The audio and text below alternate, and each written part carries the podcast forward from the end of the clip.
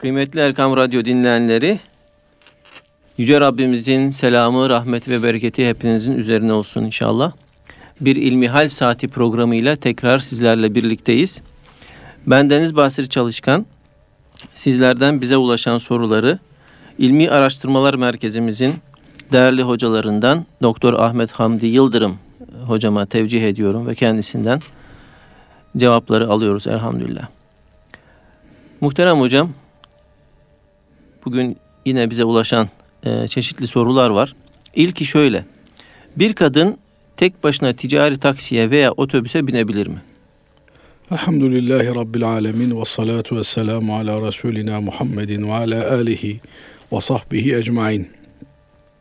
Hz. Peygamber sallallahu aleyhi ve sellem Efendimiz bir hadisi şeriflerinde sizden Allah'a ve ahiret gününe iman etmiş olan bir kadın mahremi yanında olmaksızın bir gün bir gecelik yola çıkmasın buyuruyor.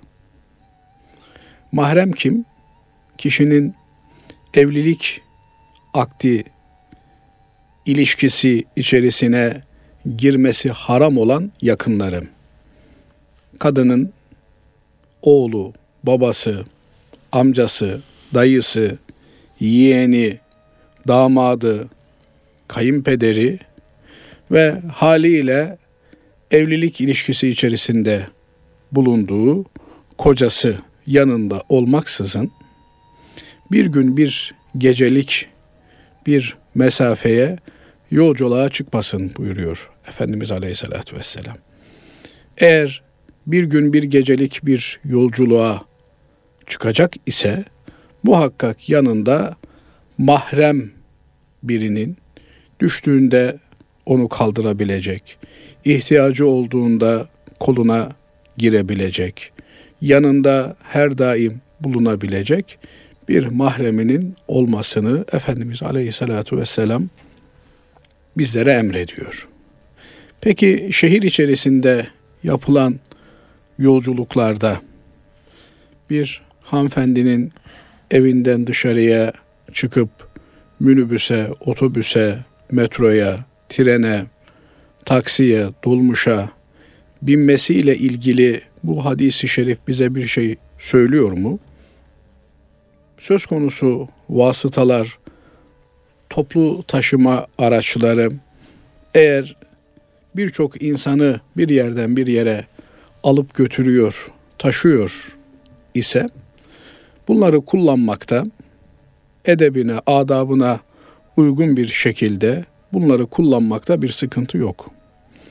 Ama itiş kakış birbirlerinin adeta üzerine biner bir şekilde kadın erkek izdiham halinde bir yolculuk yapmanın doğru olduğunu, makbul olduğunu, kabul edilebilir olduğunu söylemekte mümkün değil. Evet. Bu sadece kadınlar açısından değil, erkekler açısından da aynıdır. Dolayısıyla bu toplu taşıma araçlarında azami istihap sayısı yazılır. Oturarak şu kadar binilir, ayakta şu kadar binilir diye bu sayılara riayet etme mecburiyeti var. İnsanca bu araçları kullanabilmek için insanların birbirlerine itişip kakışmadan rahat bir şekilde hareket edebilecekleri, mesafe alabilecekleri bir tarzda bu toplu ulaşım araçlarını kullanma mecburiyeti, bunları bu hale getirme zorunluluğu yetkililerin üzerine düşen bir sorumluluktur. Ama hocam e, kişinin şahsının üzerine de mesela dolu bir arabaya binmemesi de herhalde gerekir. Haliyle özellikle de kadınlarımızı maalesef sabahın erken saatlerinde iş güç peşinde koştururken mecburiyet hissederek o dolmuş olan araçlara binebilmek için verdikleri çabayı, yarışı gördükçe insan üzülüyor. Bu sadece kadınlar için değil, erkekler için de aynı durum söz konusu. Yani evet. bunun çözümünün de çok zor olduğunu düşünmüyorum. Sadece bu insanların, bu halkın daha insanca yaşamaya hakkının olduğunu kabul etmek ve ona göre düzenleme yapmak gerekiyor. Yani eğer insanlar sıraya girerek otobüse binmesini ona göre birbiriyle itişip kakışmadan yer almasını öğrenebilirlerse eğer bu noktada sıkıntı varsa buna ilişkin düzenlemeler yapılabilir. Bu şekilde insanlar daha güvenli, daha konforlu, daha şer'i, İslami usullere uygun yolculuk yapma imkanına kavuşmuş olurlar. Evet. Ha bu noktada en azından kadınlar için ve erkekler için ayrı vagon uygulaması yapılabilir.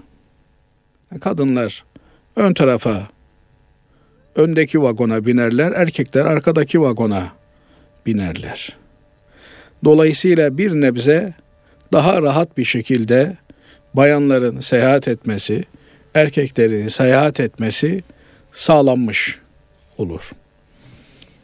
İkinci bir husus taksiye ki taksi kişiye özel bir araç olarak karşımıza çıkıyor. Dolayısıyla direksiyonda yabancı bir erkek var. Bir bayan arka koltuğa oturuyor. Onunla işte şuraya buraya beni götürün diyor. Burada da tercihen bayanların yalnız seyahat etmemeleri, muhakkak yanlarında bir başka bayanın eşliğinde veya mahremlerinin eşliğinde seyahat etmeye dikkat etmeleri gerekmektedir.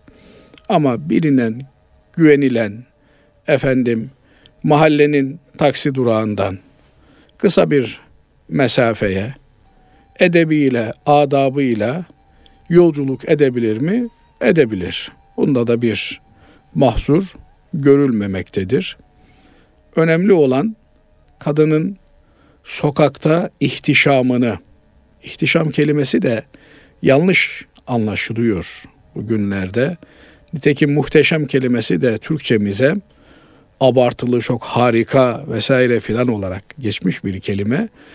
Oysa kök itibariyle, aslı itibariyle ihtişam saklanmak, örtünmek, gizlenmek, gözden ırak olmak, kaybolmak anlamına geliyor. Binaenaleyh bir şey ne kadar saklı olur, gizli olursa o kadar gizemli olacağından insanlar onunla ilgili "Vaa ne kadar harika bir şeymiş, ne kadar müthiş bir şeymiş." diye bir kanaat oluşturduklarından bu kelime zaman içerisinde işte muhteşem kelimesinde karşımıza çıktığı gibi harikulade, çok olağan dışı, çok muazzam gibi bir anlama gelmiştir. Bunun temelinde gizemli olması, saklı olması, örtülü olması, görünür olmaması yatmaktadır. Binaenaleyh kadınlarımızın ihtişamı, muhteşemliği onların olabildiğince kendilerini kem gözlerden, zararlı bakışlardan, efendim yıkıcı bakışlardan korumalarıyla mümkün hale gelecektir. Eğer bir kadın kendisini her türlü zararlı bakışa, yıkıcı göz atmalara maruz hale getirirse zaten yüklenmiş olduğu negatif enerji onun psikolojisini bozmaya da onun ahlakını yıkmaya da yeterli hale gelmektedir. Onun için özellikle hassas olan, narin olan, kırılgan olan, depresyona yatkın olan kadınlarda depresyon oranları daha fazla görülüyor. Niçin? Nazik oldukları, kırılgan oldukları, incinebildikleri için. Bana bir laf söylüyor umurumda olmuyor. Söylemiş geçmiş diyorum. Bana ne diyorum? Kendi kendine söylenmiştir diyorum. Ama bir kadıncağız öyle değil. Alınıyor. inciniyor. Onun için erkeklerle kadınlar iletişim kurmakta zorlanıyorlar. Evet. Belki belli dönemlerde e, erkekler incelmeye, nazikleşmeye çalışıyorlar ama fıtratlarına aykırı olduğu için bir müddet sonra aslına rucu ediyor. Orijinalliğine geri dönüyor erkek ve bir iletişim kopukluğu meydana geliyor. O yüzden olabildiğince kadının kendisini zararlı bakışlardan, yıkıcı gözlerin hedefi olmaktan koruması gerekiyor. Efendim ben niye kendimi koruyacağım? E sen bilirsin. Yani ortalıkta kurşunlar dolaşıyor. Evet. Serseri mayınlar ortalığı kaplamış. E ben niye mayından kaçınayım, mayın benden kaçınsın dersen gidersin mayına basarsın, infilak edersin. Olan sana olur. Tamam sen de haklısın. Niye benim hürriyetimi kısıtlıyorsunuz? Niye beni eve hapsediyorsunuz? Haklısın. Ama yani eğer sokak tehlikeli ise dışarıda e, mayınlar, serseri mayınlar ortalığı kaplamışsa insanın kendi can güvenliğini, mal güvenliğini, namus güvenliğini, ruh sağlığını, akıl sağlığını korumak için tedbir alması gerekiyor.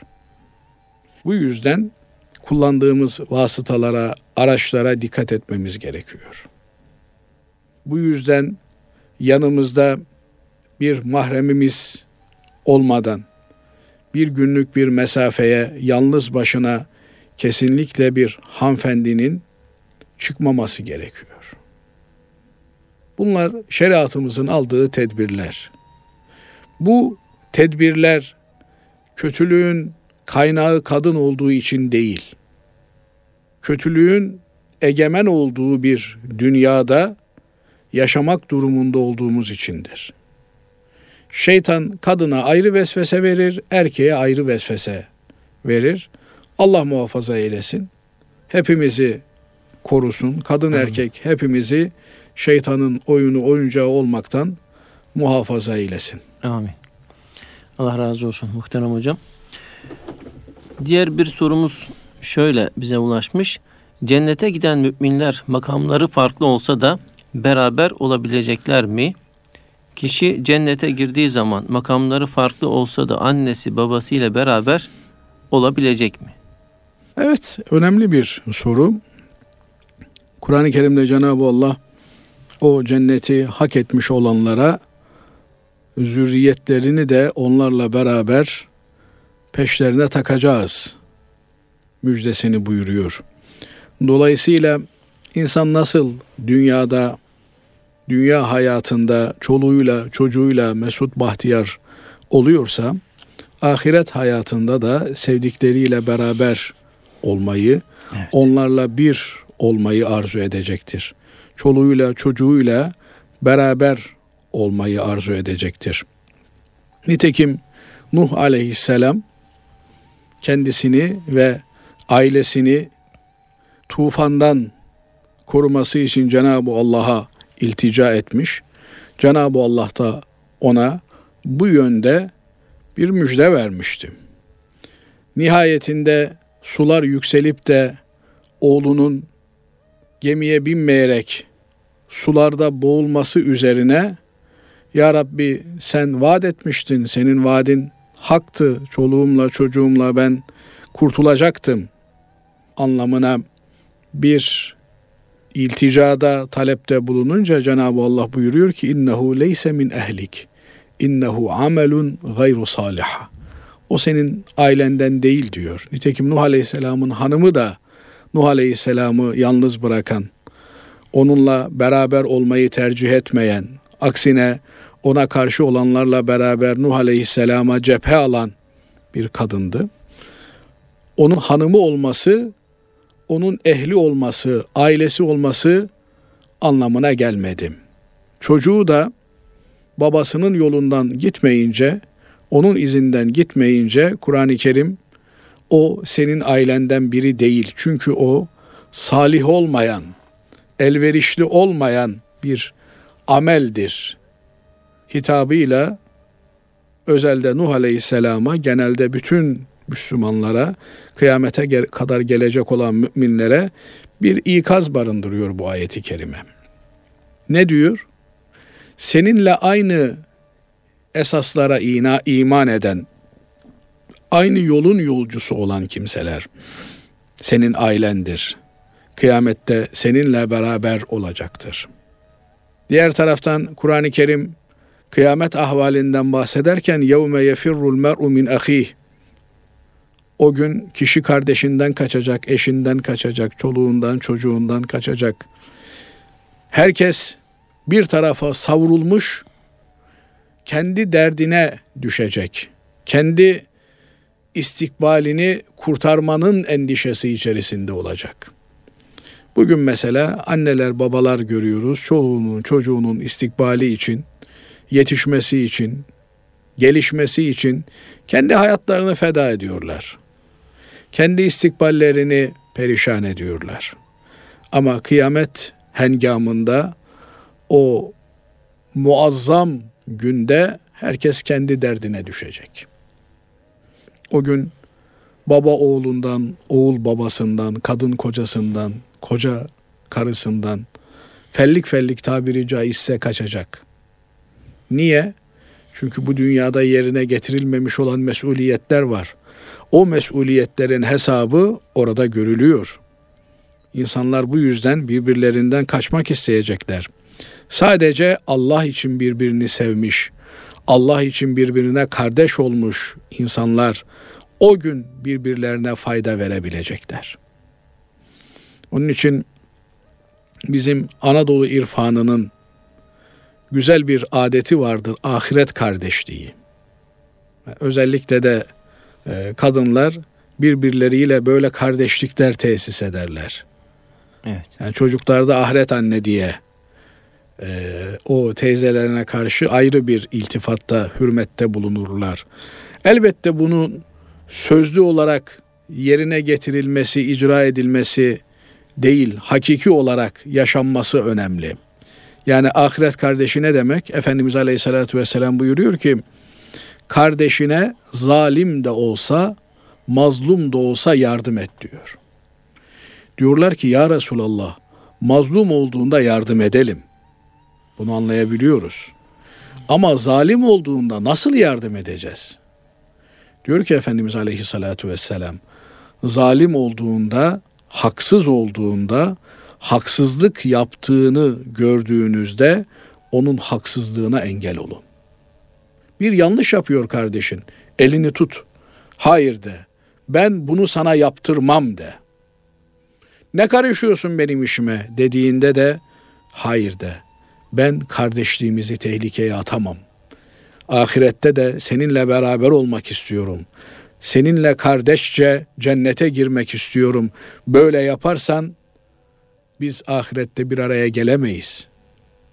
Dolayısıyla kardeş hakiki anlamda ahiret kardeşliği tesis etmiş olan bir kimse kardeşinin ahiretini önceler, onun ahiretine bir zarar gelmesin diye ahiret hayatında başını önüne eğdirecek bir işin, eylemin içinde bulunmasın diye gayret eden kişidir. Diğer taraftan Efendimiz Aleyhisselatü Vesselam'a hizmeti geçmiş bulunan bir sahabe efendimize Hz. Peygamber Aleyhisselatü Vesselam Efendimiz dile benden ne dilersen malinde bir söz söyler.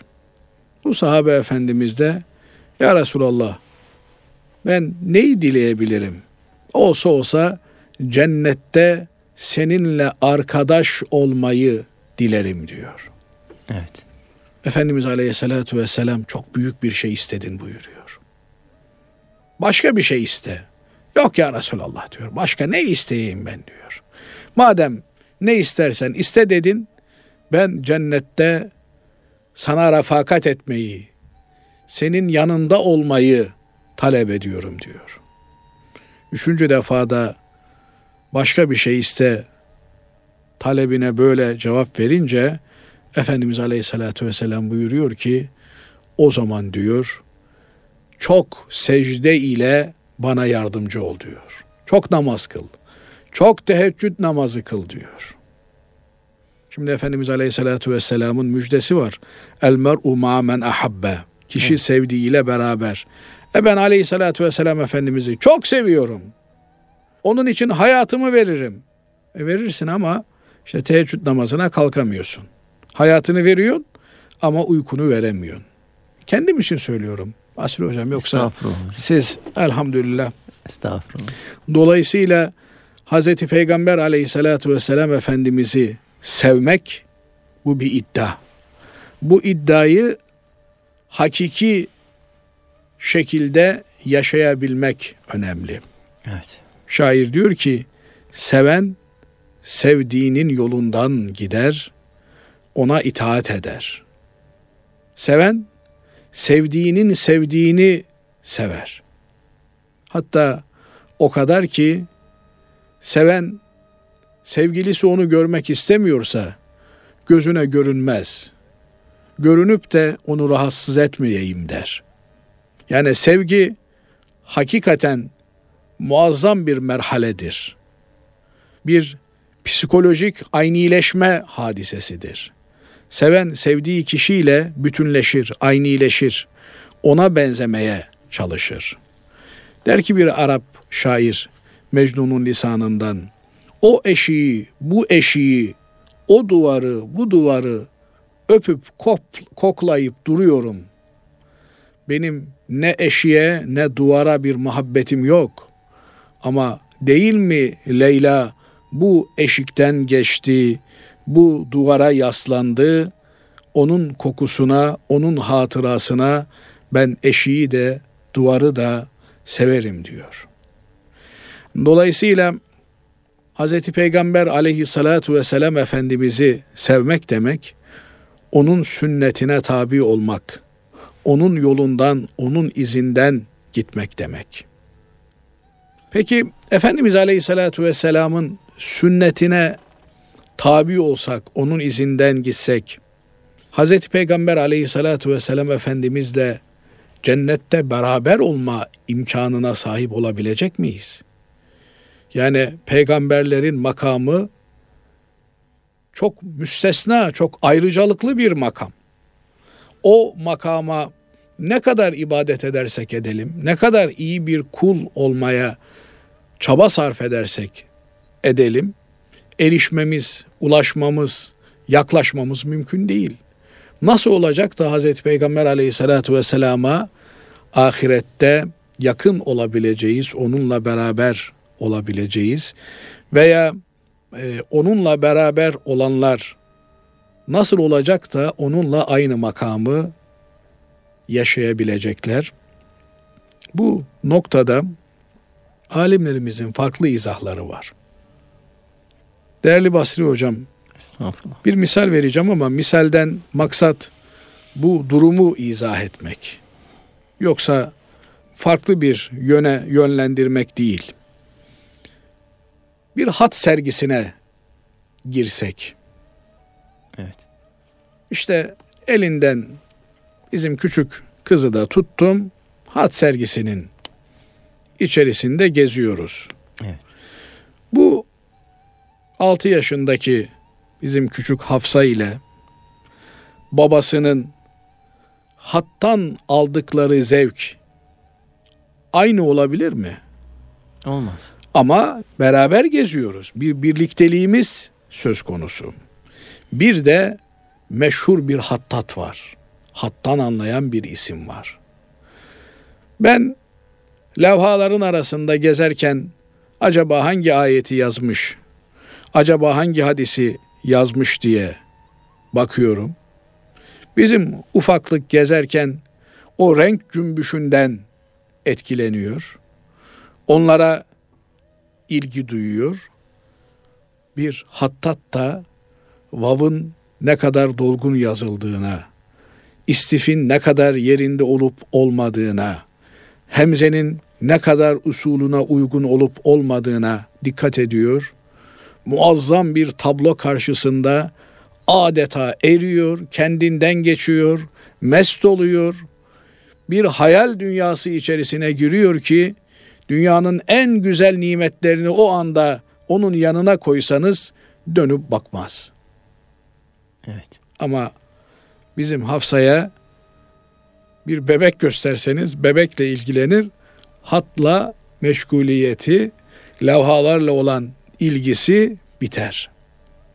Bana bir kitap verseniz ben o kitaba dalarım ama hattan anlayan bir kimse, hat zevkine ulaşmış olan, o sanatın derununa vakıf olmuş olan bir kimse muazzam bir estetik zevk içerisinde orada vakit geçirir. Hayatının belki de en mutlu zaman dilimlerini yaşar. E hepimiz beraberiz. Hepimiz o sergi salonunun içindeyiz. Ama o sergi salonunun içerisinde yaşadığımız haz, hissediş, duyuş birbirinden farklı. Evet. Dolayısıyla belki e, fiziki olarak diyeceğim ama e, cennet üç boyutlu bizim bildiğimiz fiziki bünyelerimizle geçeceğimiz bir alem değil. Ahiret alemi farklı bir alem. Dolayısıyla dünyadaki kavramlarla, dünyadaki sahip olduğumuz bilgilerle o aleme ilişkin bir tasavvurda bulunmamız, oraya dair bir takım aktarımlarda bulunmamız mümkün değil. Ya nasıl bir birliktelik var?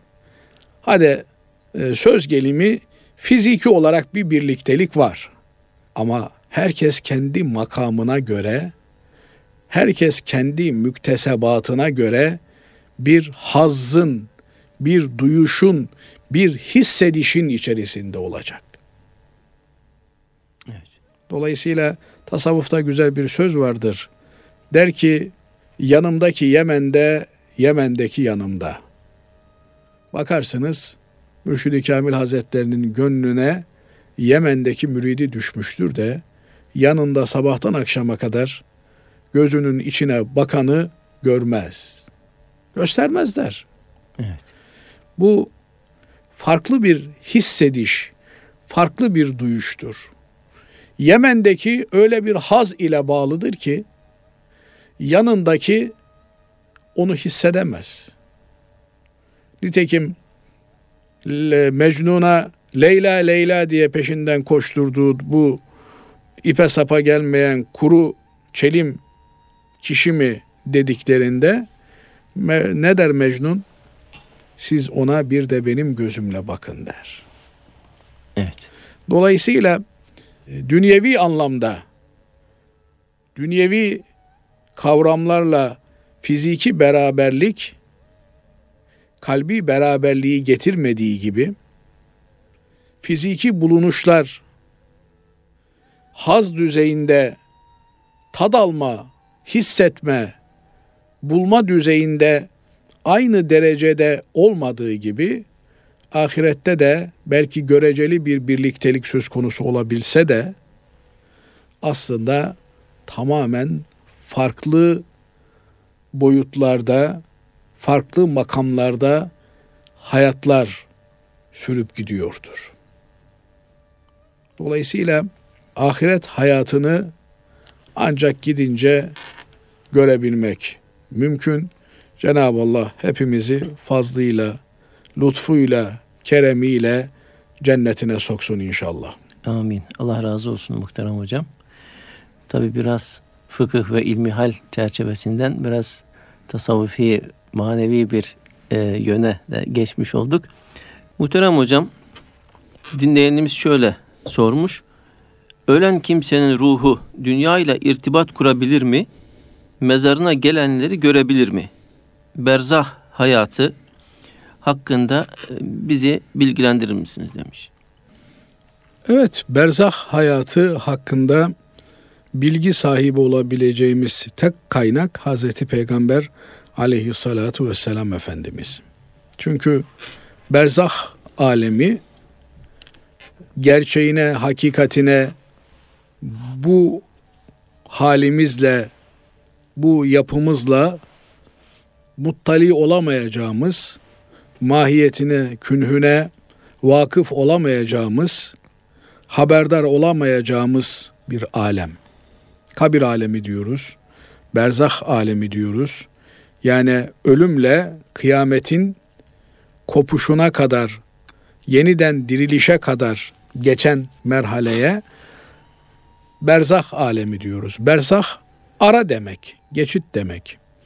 Binaenaleyh ölümle beraber başlıyor, tekrar dirilene kadar devam ediyor bu alem. Buna kabirde geçen kısmına kabir alemi deniyor. İşte ölen bir kimseyi kabri açıyoruz, oraya defnediyoruz. Üstünü tekrar toprakla örtüyoruz, çekiliyoruz. Kendi dünyevi hayatımıza, meşguliyetimize kaldığımız yerden devam ediyoruz. Tekrar toprağı kaldırsak, altındaki mevtaya ulaşsak, eğer henüz yeni ise koyduğumuz gibi duruyor. Üzerinden birkaç gün geçmişse değişimler başlıyor. 4-5 yıl sonra bakıyoruz ki toprağa karışmış, vücut gitmiş, ten bitmiş, etler erimiş, geriye kemik kalmış. Dolayısıyla kimyasal bir değişim meydana gelmiş. Ama o kabirde başka nelerin olduğunu biz bu insani halimizde sahip olduğumuz bu dünyevi boyuttaki hayat ile bilemiyoruz. Ancak ve ancak Hazreti Peygamber aleyhissalatu vesselam Efendimizin Cenab-ı Allah'ın bildirmesiyle bildiği ve bize bildirdiği bilgiler aracılığıyla bilebiliyoruz. Buradan biliyoruz ki kabirde bir azap var. Eğer bir insan güzel bir ölümle ölememiş ise, güzel bir hayatı güzel bir ölümle sonlandıramamış ise kabirde bir azap muhtemel gözüküyor. Onun için dua ederken ya Rabbi kabrimizi cennet bahçelerinden bir bahçe eyle, cehennem çukurlarından bir çukur eyleme diye dua ediyoruz. İnsan dediğimiz şu yapı ruh ve cesetten, bedenden mürekkep bir araya gelmiş bir yapı. Ruh yapımız ile beden yapımız birbirinden farklı şeyler. Cenab-ı Allah ruhla ilgili soru soranlara Efendimiz Aleyhisselatu Vesselam'a hitaben şöyle karşılık vermesini emrediyor. Kulir ruhu min emri Rabbi. De ki ruh Rabbimin emrindendir.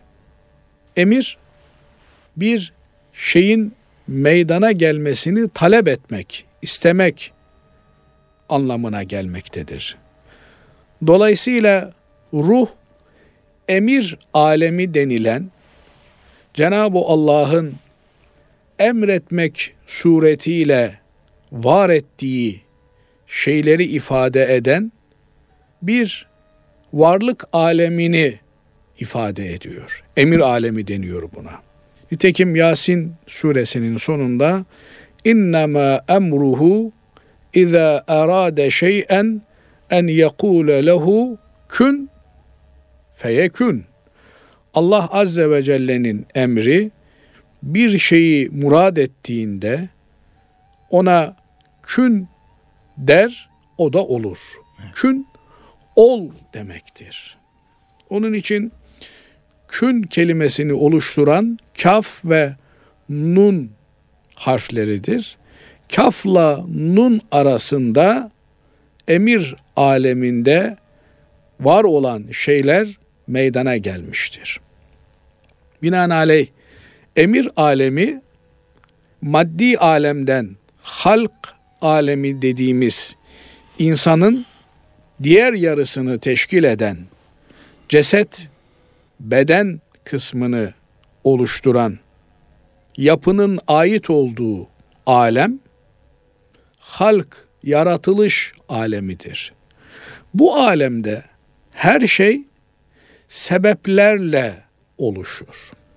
Cenab-ı Allah insanı mesela insan ol demek suretiyle yaratabilecekken onu çamurdan, balçıktan bir insan suretine getirmiş. O insan suretine de Allah'ın kendisine ait olan nitekim bütün her şey Allah'a aittir.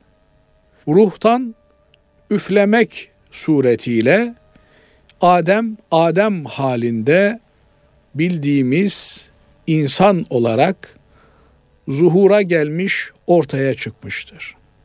Binaenaleyh basit bir şekilde anlatacak olursak Adem'in yaratılış evreleri balçık ile başlamış, insan şeklinde tesviye edilmiş, düzeltilmiş, insan kıvamı verilmiş, peşinden de yaratılış aleminden farklı olan bir aleme ait, emir alemine ait ruh kendisine üflenmiştir.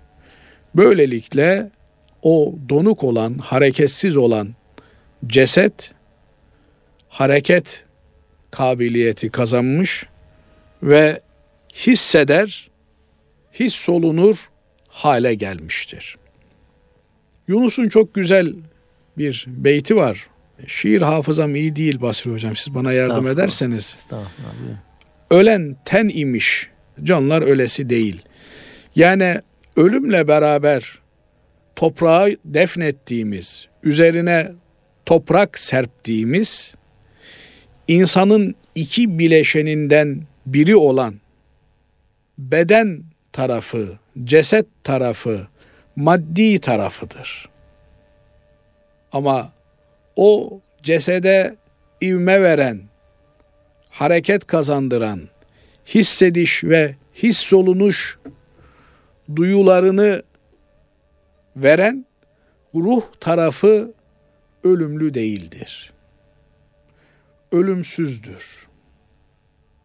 Binaenaleyh kıyamette Allah Azze ve Celle'nin zatı dışında her şey helak olduğunda helak olacak. Ölümü tadacaktır. Ama bildiğimiz anlamda bedenin ölümü, cesedin ölümü içerisine ruhun ölümü dahil değildir. Nitekim Kıyamette hocam e, kıyamette ruh ölecek mi? her şey ölecek. Kullu şeyin halikun illa vecheh. Allah Azze ve Celle'nin zatı dışında her şey yok olacak. Her şey son bulacak. Her ne var ise Allah'ın zatı dışında her şey son bulacak.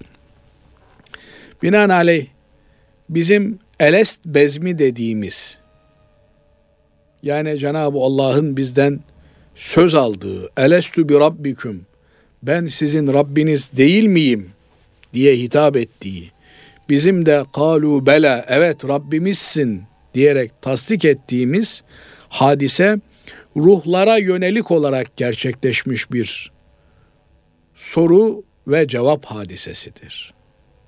Alemi ervahta, ruhlar aleminde bütün ruhlar defaten yaratıldığı için bu ruhlar elest bezminde bu hitaba muhatap olmuşlardır. Ve bu soruya cevap olarak da evet Rabbimizsin demişlerdir. Belki dağıtıyorsak özür dilerim dinleyicilerimizden. Siz beni ikaz edebilirsiniz Basri Hocam. Hocam buyurun. Şimdi tekrar başa dönecek olursak bizim toprağa verdiğimiz defnettiğimiz, üzerine toprak serptiğimiz insanın bileşenlerinden beden cesettir. Ruh ise ya iyi bir ruhtur, o alemi ervaha yükseklere uruç eder, yükselir, çıkar. Ya kötü bir ruhtur, o da esfeli safiline, yerin dibine nüzul eder. Binaenaleyh ruh ölmediğinden haberdar olabilir. Sevenleriyle, dünyayla ilişiğini, alakasını sürdürebilir. Nitekim Efendimiz Aleyhisselatü Vesselam ümmetinin ahvaline muttali olmaktadır. Salatü selam getirildiğinde Efendimiz Aleyhisselatü Vesselam bu selama mukabele etmektedir. Evet. Özellikle cuma günü salatu selamı çok okumamızın sebeplerinden bir tanesi de o gün direkt olarak Hazreti Peygamber Efendimizin selamı alışıdır. Bugün mesela çarşamba günü Allahumma salli ala Muhammedin ve ala ali Muhammed dediğimizde bir melek bu salatü selamı Hazreti Peygamber Efendimiz'e ulaştırıyor. Ama cuma günü direkt olarak bu salatü selam Hazreti Peygamber Efendimiz'e ulaşıyor, o da karşılık veriyor. Binaenaleyh iyi ruhlar, iyilerin ruhları serazat bir şekilde hareket edebiliyorlar. Serazat, Yani serbest bir şekilde serbest. Evet. hareket edebiliyorlar. Bizim ruh alemiyle ilişiğimiz, irtibatımız ise maalesef aşırı halk alemine yükleme yapmamızdan dolayı zayıflamış bulunmaktadır. Ama eğer halk alemi, yaratılış alemiyle olan ilişkimizi asgariye indirir, azaltırsak o zaman ruh alemiyle olan irtibatımız güçlenebilir. Onun için ruhen terakki sağlayan tasavvufi eğitimde yaratılış halk alemiyle olan ilişki minimize edilmeye çalışılır. Bu yüzden en önemli prensiplerden bir tanesi kılleti kelam, kılleti ekil ve kılleti menamdır. Az konuşmak, az yemek, az uyumak. Yani beden tarafımızı, ceset tarafımızı az geliştirmek. Böyle olunca ruh tarafımız inkişaf etmektedir. Ruh tarafı inkişaf edince o alemle iletişim kurabilmek, ruhu daha kaliteli, nitelikli bir hale getirebilmek mümkün hale gelmektedir. Bizim ruh alemiyle veya emir alemiyle iletişim kurduğumuz an dünya ile yaratılış alemiyle olan irtibatımızı sonlandırdığımız veya asgariye çektiğimiz andır. Bu da uykuda gerçekleşir. Uykuda yenmez mesela. Uykuda konuşulmaz. Dolayısıyla uyku hali bir nevi bir tür ölüm hali olduğundan dolayı uykuda ruhlarla irtibat sağlanabilir. Ama bu bizim istediğimiz zaman istediğimiz kimseyle irtibat kurabileceğimiz anlamına gelmiyor. Binaenaleyh ez cümle soruya cevap verecek olursak Evet. iyilerin ruhları geride bıraktıkları sevenleriyle tek taraflı iletişime geçebilir. Onların yaptıklarından haberdar olabilir. Yalnız bu tek taraflı bir iletişimdir. Onların bizden haberdar olduklarından biz haberdar olamayız. Çok nadiren rüya üzerinden karşılıklı bir iletişim söz konusu olabilir. Onun da test edilme imkanı ancak rüyadaki sembolleri düzgün yorumlayabilen kişiler tarafından yapılabilir. Onu da arasay arayasın ki bulasın demişler. Binaenaleyh biz ölülerimizin arkasından yaptığımız hayır hasanatın onlara ulaştığını, güzel duaların onları manen beslediğini bilir. Bu şekilde onlara dua etmeye, onlar adına hayır hasanat yapmaya devam ederiz. Evet. Onlar bu gelen hediyelerden haberdar olurlar. Hani bugün kargo gönderiyorsunuz. Bir de kargonun yerine ulaştığını bildiren geri dönüşümüyle beraber gönderiyorsunuz. Yani sizin gönderdiğiniz kargo filan saatte filan kişiye teslim edildi diye size geri dönüşüm yapıyorlar. Evet. Henüz ahiret alemine ilişkin, ruh alemine ilişkin gönderdiğiniz, okuyup da gönderdiğiniz Kur'an'ın sevabı kişiye ulaştı diye geri bildirim bize direkt olarak yapılmıyor. Evet. Ama Efendimiz Aleyhisselatü Vesselam ki o doğruların en doğrusudur. Bu hayır hasanatın ölülere gideceğini, hediyelerin yerine ulaşacağını bizlere bildiriyor. Tabi burada şunu da unutmamak lazım. Eğer hediye almaya münasip ve müsait bir kimse ise ama eğer gönderdiğimiz kişi kapalı bir cezaevinde tutuluyorsa ve içeriye dışarıdan da bir şey alınmıyorsa bizim gönderdiğimiz hediyeler hapishanenin girişinde bekler ancak. İçeriye alınmaz. Onun için Cenab-ı Allah bütün ölmüşlerimizin, müminini müminatın kabirlerini cennet bahçelerinden bir bahçe eylesin. Amin. Affıyla, merhametiyle, lütfuyla, ihsanıyla, keremiyle muamele eylesin. Amin. Fazlıyla muamele eylesin. Affetsin hepimizi inşallah diye dua ederiz. Pek muhterem hocam teşekkür ederiz. Allah razı olsun. Kıymetli dinleyenlerimiz bir İlmihal Saati programımızın daha sonuna ermiş bulunuyoruz. Bir sonraki hafta tekrar sizlerle buluşmak dileğiyle hepinizi Allah'a emanet ediyoruz. Hoşçakalın.